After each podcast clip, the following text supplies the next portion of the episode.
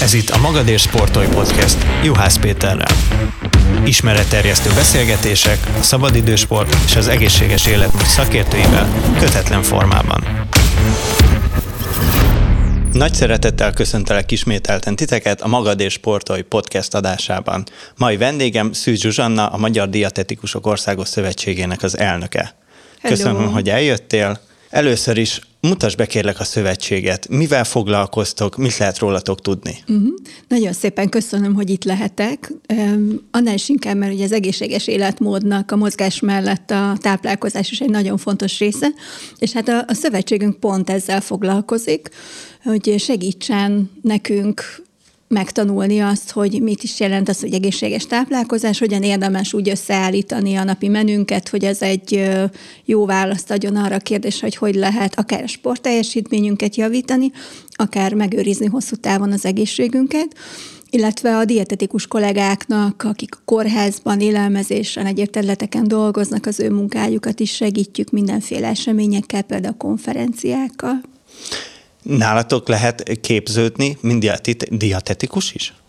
Nem, mi nem tanítunk, legalábbis nálunk diplomát szerezni nem lehet. Ez egy főiskolai képzés, három helyen lehet Magyarországon dietetikusnak tanulni. Budapesten a Semmelweis Egyetemen, a Pécsi Tudományegyetemen, illetve Debrecenben van dietetikus képzés.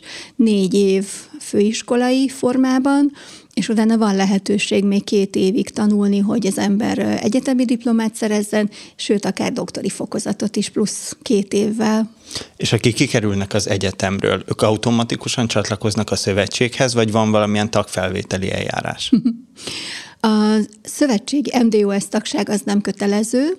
Van ugyanakkor egy kamara, szakdolgozói kamara úgy hívják, Magyar Egészségügyi Szakdolgozói Kamara MESZK. Ez a tagság viszont kötelező, tehát ahhoz, hogy valaki dietetikusként dolgozzon kórházban, szakrendelőben, vagy akár saját praxisa legyen, ahhoz kell, hogy kamarai tagsággal rendelkezzen, és van nálunk egy folyamatos továbbképzési kötelezettség is, ami azt jelenti, hogy öt évente bizonyos úgynevezett kreditpontokat, továbbképzési pontokat kell gyűjteni ahhoz, hogy valaki a pályán maradhasson.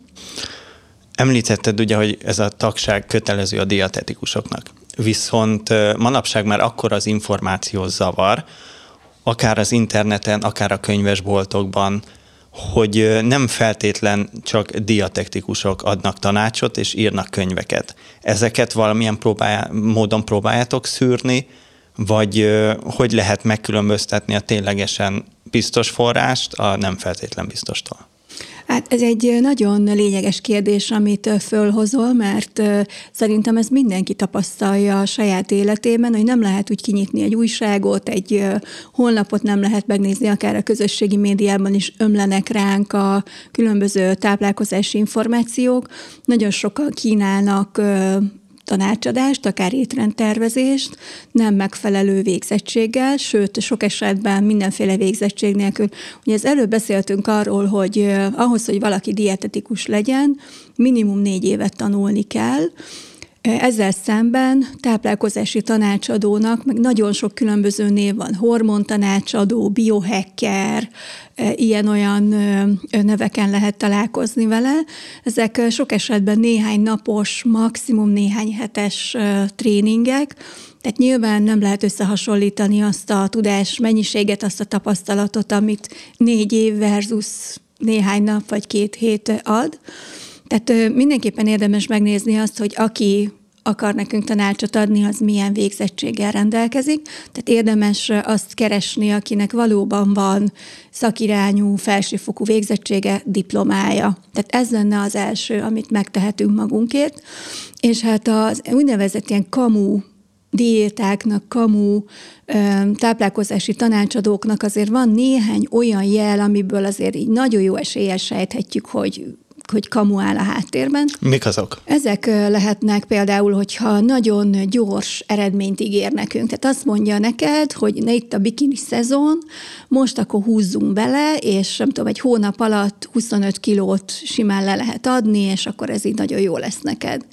Mindenképpen legyünk résen, hogyha valami terméket akarnak még így pluszban eladni, tehát azt mondják neked, hogy szedjed ezt a nem tudom, kollagén étrend kiegészítőt, és akkor nagyon szuper lesz, elmúlik a narancsbőröd, akkor el tudsz ugrani, mint nem tudom, egy kenguru, és lefutsz egy maratont, és akkor ez, ez így jó lesz neked. Tehát, hogyha termék van, hogyha ilyen nagyon drasztikus kúra van, ami nem illeszkedik az aktuális szokásaidhoz, életmódodhoz. Mindenképpen érdemes résen lenni, hogyha valami szélsőség van a dologban, tehát például csak egy-két-háromféle ételt lehet enni, ebből borzasztó sok ilyen kúra van, rizst lehet enni, meg zöldséget, meg csirke mellett, szerintem ez már második nap borzalmas lehet, és hát mindenképpen azért érdemes azokat a független forrásokat keresni, ahol biztosak lehetünk abban, hogy legalább itt törekszenek arra, hogy a tudományos bizonyítékok mentén meg nekünk adjanak tanácsot. Visszatérve egy megfogalmazás, említetted, hogy biohacker. ő, ő mivel foglalkozik, vagy ezt hogy kell elképzelni? Nagyon sok különböző tanácsadó van. Most azért is említettem ezt, mert ezzel találkoztam így a talán Facebookon, Instagramon így a legutóbbi időben. Tulajdonképpen ezek is táplálkozási tanácsadók, írsz neki, és akkor ő küld neked étrendet, 10-20-30-40 ezer forintért, esetleg még vehetsz nála valamilyen étrendkiegészítőt is, tehát ezek így működnek, független attól, hogy most biohacker, hormontanácsadó, vagy, vagy hogy hívják. Ehhez előzetesen kellene egy vizsgálat szakszerűen, ugye? Mindenképpen. Amúgy is érdemes azért egy évben egyszer mindenkinek elmenni orvoshoz, nézetni minimálisan egy vérképet, egy koleszterin szintet, vércukorszintet, abban az esetben, hogyha szeretnénk fogyókúrázni, picit pörgetni a teljesítményünkön, érezzük azt, hogy valami nem stimmel, nagyon fáradtak vagyunk, nagyon gyakran vagyunk betegek, hullik a hajunk, csúnya a bőrünk, bármi, nem tudom, olyan ételek van, amiket elfogyasztunk, az puffadás, vagy bármilyen panaszt okoz, akkor az első és legfontosabb az legyen, hogy elmegyünk egy orvoshoz, szakorvoshoz, és hogyha diétázni szeretnénk, akkor meg elmegyünk egy dietetikushoz. Említetted a ismérveket, hogy honnan lehet felismerni, hogyha valaki kamu. Felsoroltad, hogy mik ezek a támpontok. Hogy néz ki egy ideális diéta, amikor nem kamu adja? Uh-huh. Amikor elmegy valaki egy dietetikushoz, akkor az első találkozás alkalmával egy nagyon alapos ismerkedés történik, ez azt jelenti, hogy a dietetikus megnézi az orvosi dokumentumokat, zárójelentéseket, laboreredményeket, orvosi javaslatokat, milyen gyógyszereket szedsz, esetleg milyen étrendkiegészítőket használsz, milyen panaszaid vannak. Ez az első része. Második részben megismerkedik azzal, hogy te hogyan eszel.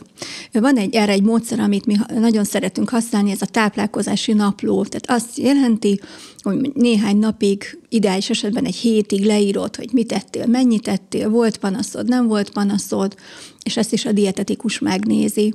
Ő beszélget veled arról, hogy mit szeretsz, mit nem szeretsz, te főzöl magadnak, vagy más főz neked, esetleg étteremben eszel, vagy rendelsz, és ezen információk alapján megméri a súlyodat, magasságodat, esetleg a test összetételt is, tehát hogy az adott kilón belül mennyi a zsír, mennyi az izom, és ezek alapján egy abszolút egyérre szabott diétát alakít ki, ami attól lesz hosszú távon is szerethető, megtartható, hogy illeszkedik azokhoz a azokhoz a sajátosságok, ezt most nem tudom jobban megfogalmazni, azokhoz a sajátosságokhoz, amik szerint te élsz. A napi rendethez, életritmusodhoz, munkádhoz, ülőmunka, fizikai munka, jársz sportolni, ezt reggel futsz mondjuk, vagy délután, és ezek alapján úgy sakkozza össze az étrendet, hogy ez, ez kényelmes és jó legyen, és minden benne legyen, ami, ami kell.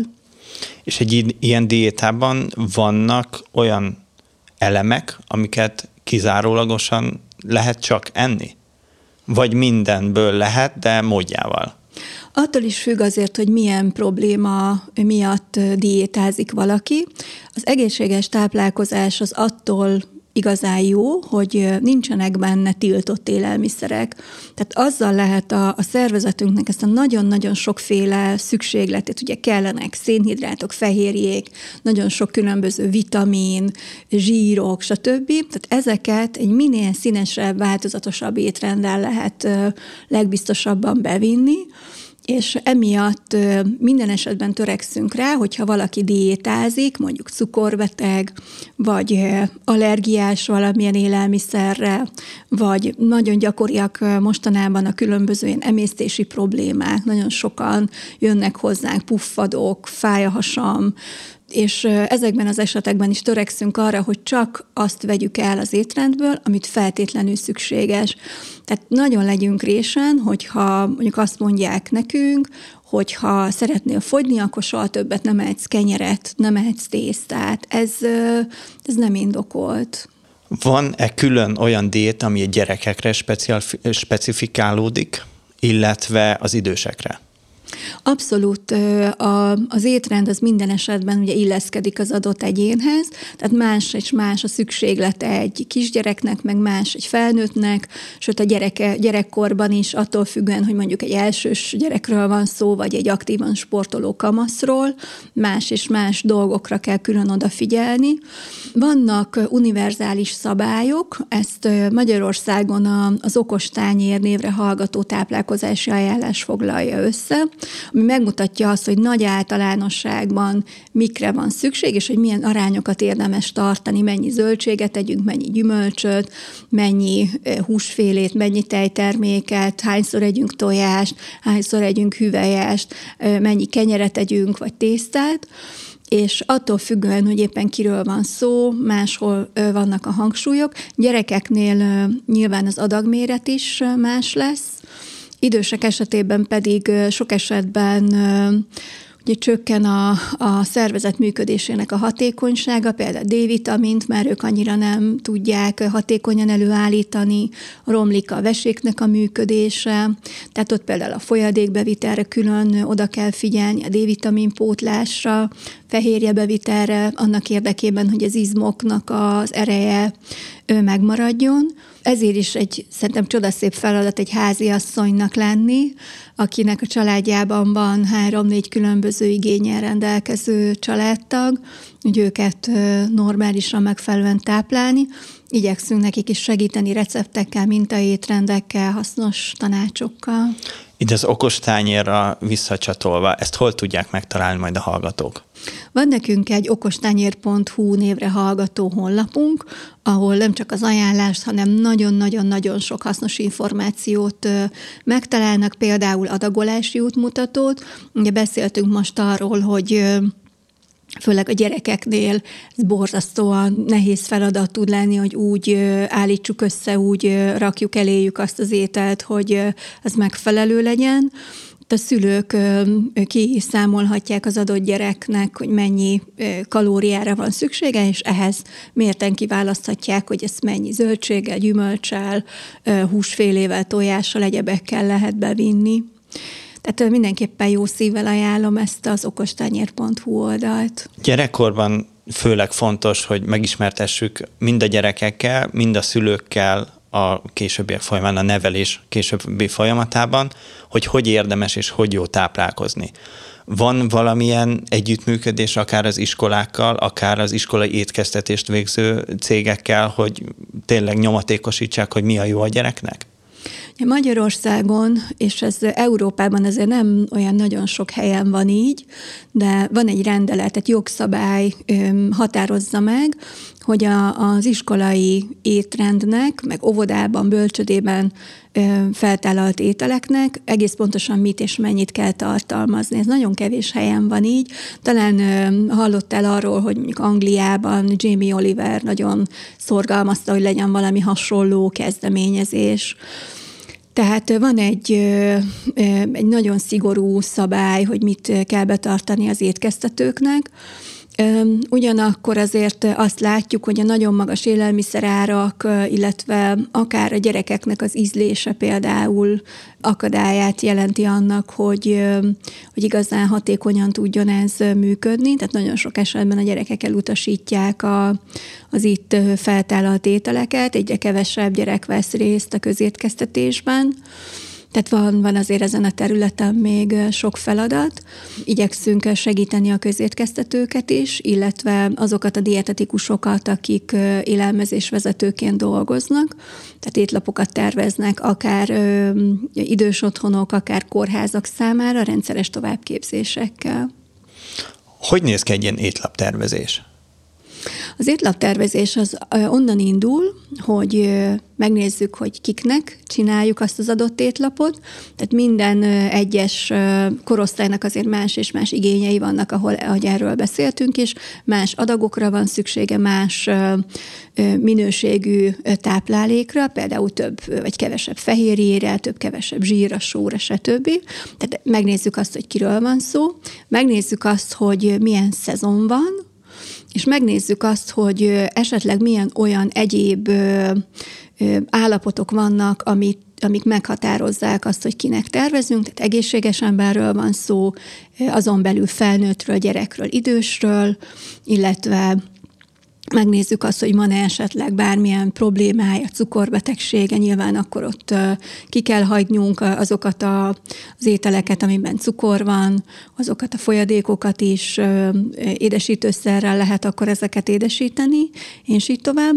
És akkor a dietetikus általában napi öt étkezésre lebontva határozza meg az elfogyasztható ételeket, itt a legnagyobb súlya az ebédnek van, tehát ez a 30-40 százalékát biztosítja a napi kalóriának, illetve a szükséges tápanyagoknak, és attól függően, hogy még hány étkezést adunk, tehát mondjuk egy iskolában még egy 10 órait meg uzsonnát kapnak a gyerekek, ami még egy 10-10 százaléka a kalóriabevitelnek, de mondjuk egy idős otthonban egész napi étrendet adnak, tehát akkor annak a 100 százalékát biztosítania kell, a, amire szükség van van az a mítosz, hogy egy reggel kell nagyon sokat enni. Ez megállja a helyét mai napig? hát ö, ö, alapvetően nem. Tehát az ebéd az, ami a legmarkánsabb kell, hogy legyen. A reggelivel kapcsolatban nagyon megosztanak a vélemények. Mi dietetikusok azt gondoljuk, hogy a reggelire szükség van. Azért, ha belegondolsz abba, hogy egy éjszaka 8-9-10 órán át éhezik a szervezetünk, tehát bőven megérett az idő arra, felkelés után egy olyan fél egy órán belül mi javasoljuk, hogy egyetek, és ez a napi kalória bevitelnek olyan 20-25-30 százaléka lehet attól függően, hogy ki hányszor szeret szeret enni, nem mindenkinek kell 10 órai uzsonna, hogyha nem érzed éhesnek magad, nem mész mondjuk délután egy ilyen nagyobb egyzésre, akkor akár ki is lehet hagyni. De a reggeli az egy fontos étkezés.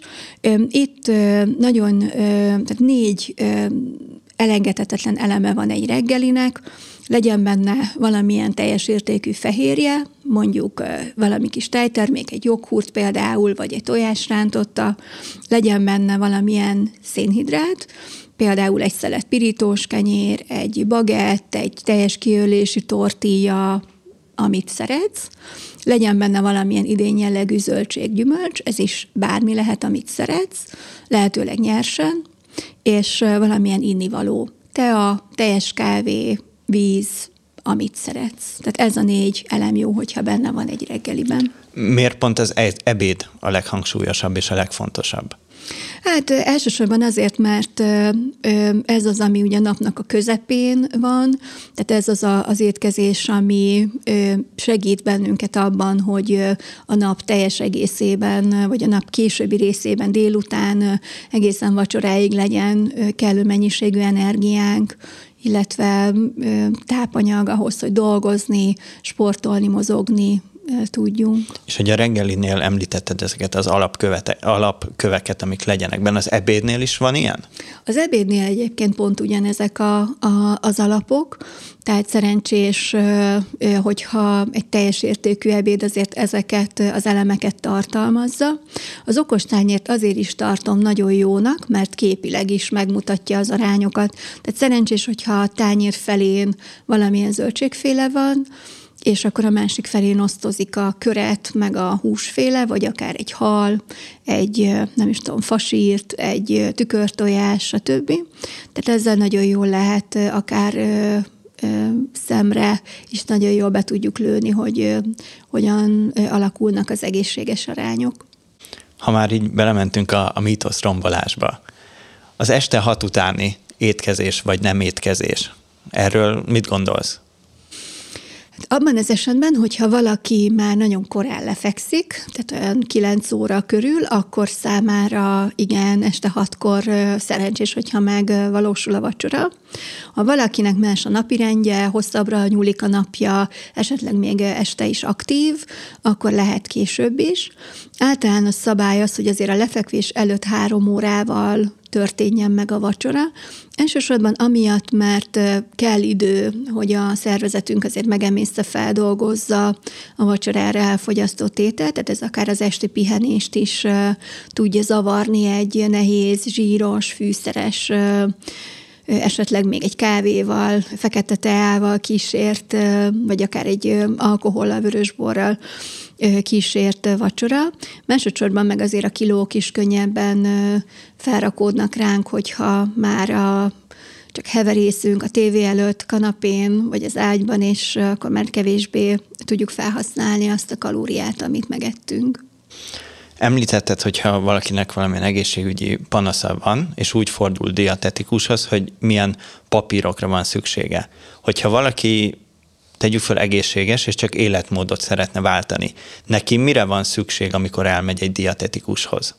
Tulajdonképpen ugyanezekre, Öm, amit ö, szoktak kérni a dietetikus kollégáim, az valóban a táplálkozási napló, tehát ezt érdemes így magunkkal vinni, érdemes előtte csináltatni esetleg egy labor vizsgálatot, abban az esetben is, hogyha teljesen egészségesnek érezzük magunkat. Nagyon jó ö, lehetőség ez arra, hogy időben elkapjuk a, a problémákat. Nagyon sok esetben ezeken a rutin szűrővizsgálatokon valakinek lejár a jogsia, elmegy, megnézeti a vércukorszintjét, megméreti a vérnyomását, megnézeti a koleszterinjét, és akkor már látszik egy, egy probléma. Tehát minél hamarabb fedezzük fel ezeket a, az eltéréseket, annál könnyebben lehet őket korrigálni. Tehát ezt mindenkinek, mindenkinek javaslom, de a táplálkozási napló az egy nagyon hasznos segítség a kollégáinknak. Mik azok a betegségek, amikkel leggyakrabban fordulnak hozzátok? Leggyakrabban különböző, hát úgy hívjuk, hogy anyagcserebetegségekkel jönnek. A leggyakoribb ebből a cukorbetegség, illetve a túlsúly és az elhízás. Magyarországon 10 emberből 7 6-7 az, akinek valamilyen mértékű súlyfeleslege van, tehát ez egy matematikailag is egy nagyon-nagyon gyakori probléma. Sajnos. Becslések szerint, sajnos, igen, igen, és egyébként meg nagyon jól lehet ezt kezelni, akár étrenddel, vagy esetleg mozgással. Tehát ne keseredjen el senki, akinél esetleg találnak ilyen típusú ö, problémát, mert ez borzasztó jól ö, kezelhető.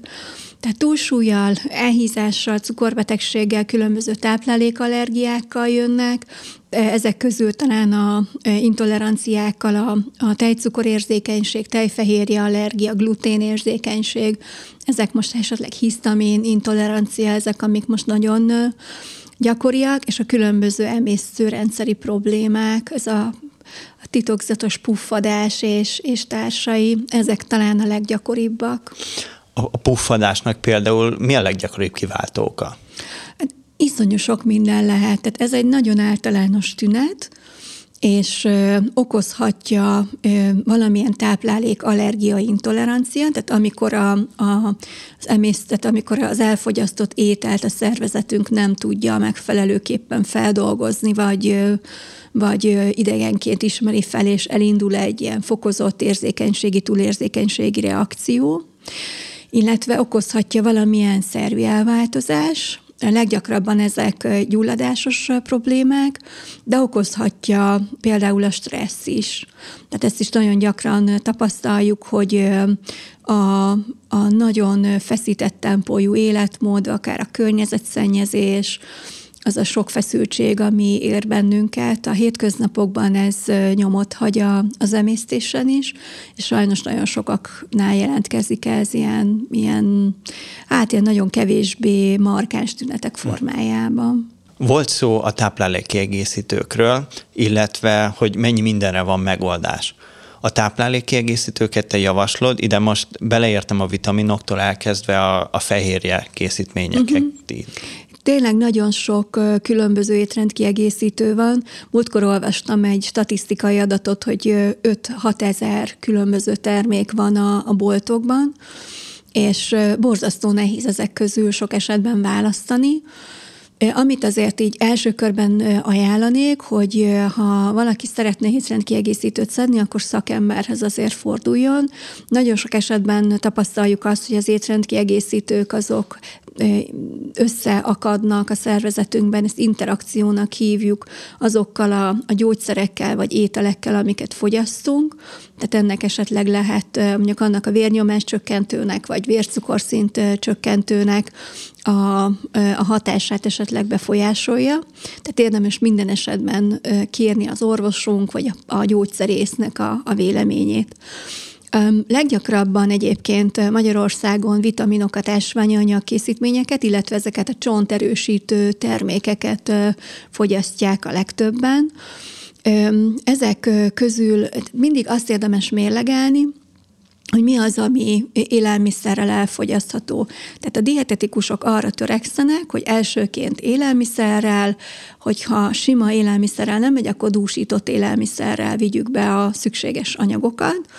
A dúsított élelmiszerek azok, a mondjuk egy növényital, amiben D-vitamin, meg kálcium van, nagyon sok olyan, nem tudom, gabonapejhet, joghurtot és egyéb terméket lehet kapni, amiben van pluszban valamilyen vitamin vagy ásványi anyag. Tehát első körben ezzel a kettővel próbáljuk megoldani a dolgokat. Tehát, hogyha mondjuk valakinek van egy cukorbetegsége és szed rá gyógyszert, tudjuk azt, hogy ez csökkenti a B12 vitamin és a folsa felszívódását a szervezetben, tehát azokat az ételeket fogjuk számára első körben ajánlani, amelyek gazdagok B12 vitaminban, folsabban. Hogyha látjuk azt, hogy ez nem működik, akkor javaslunk számára étrendkiegészítőket is.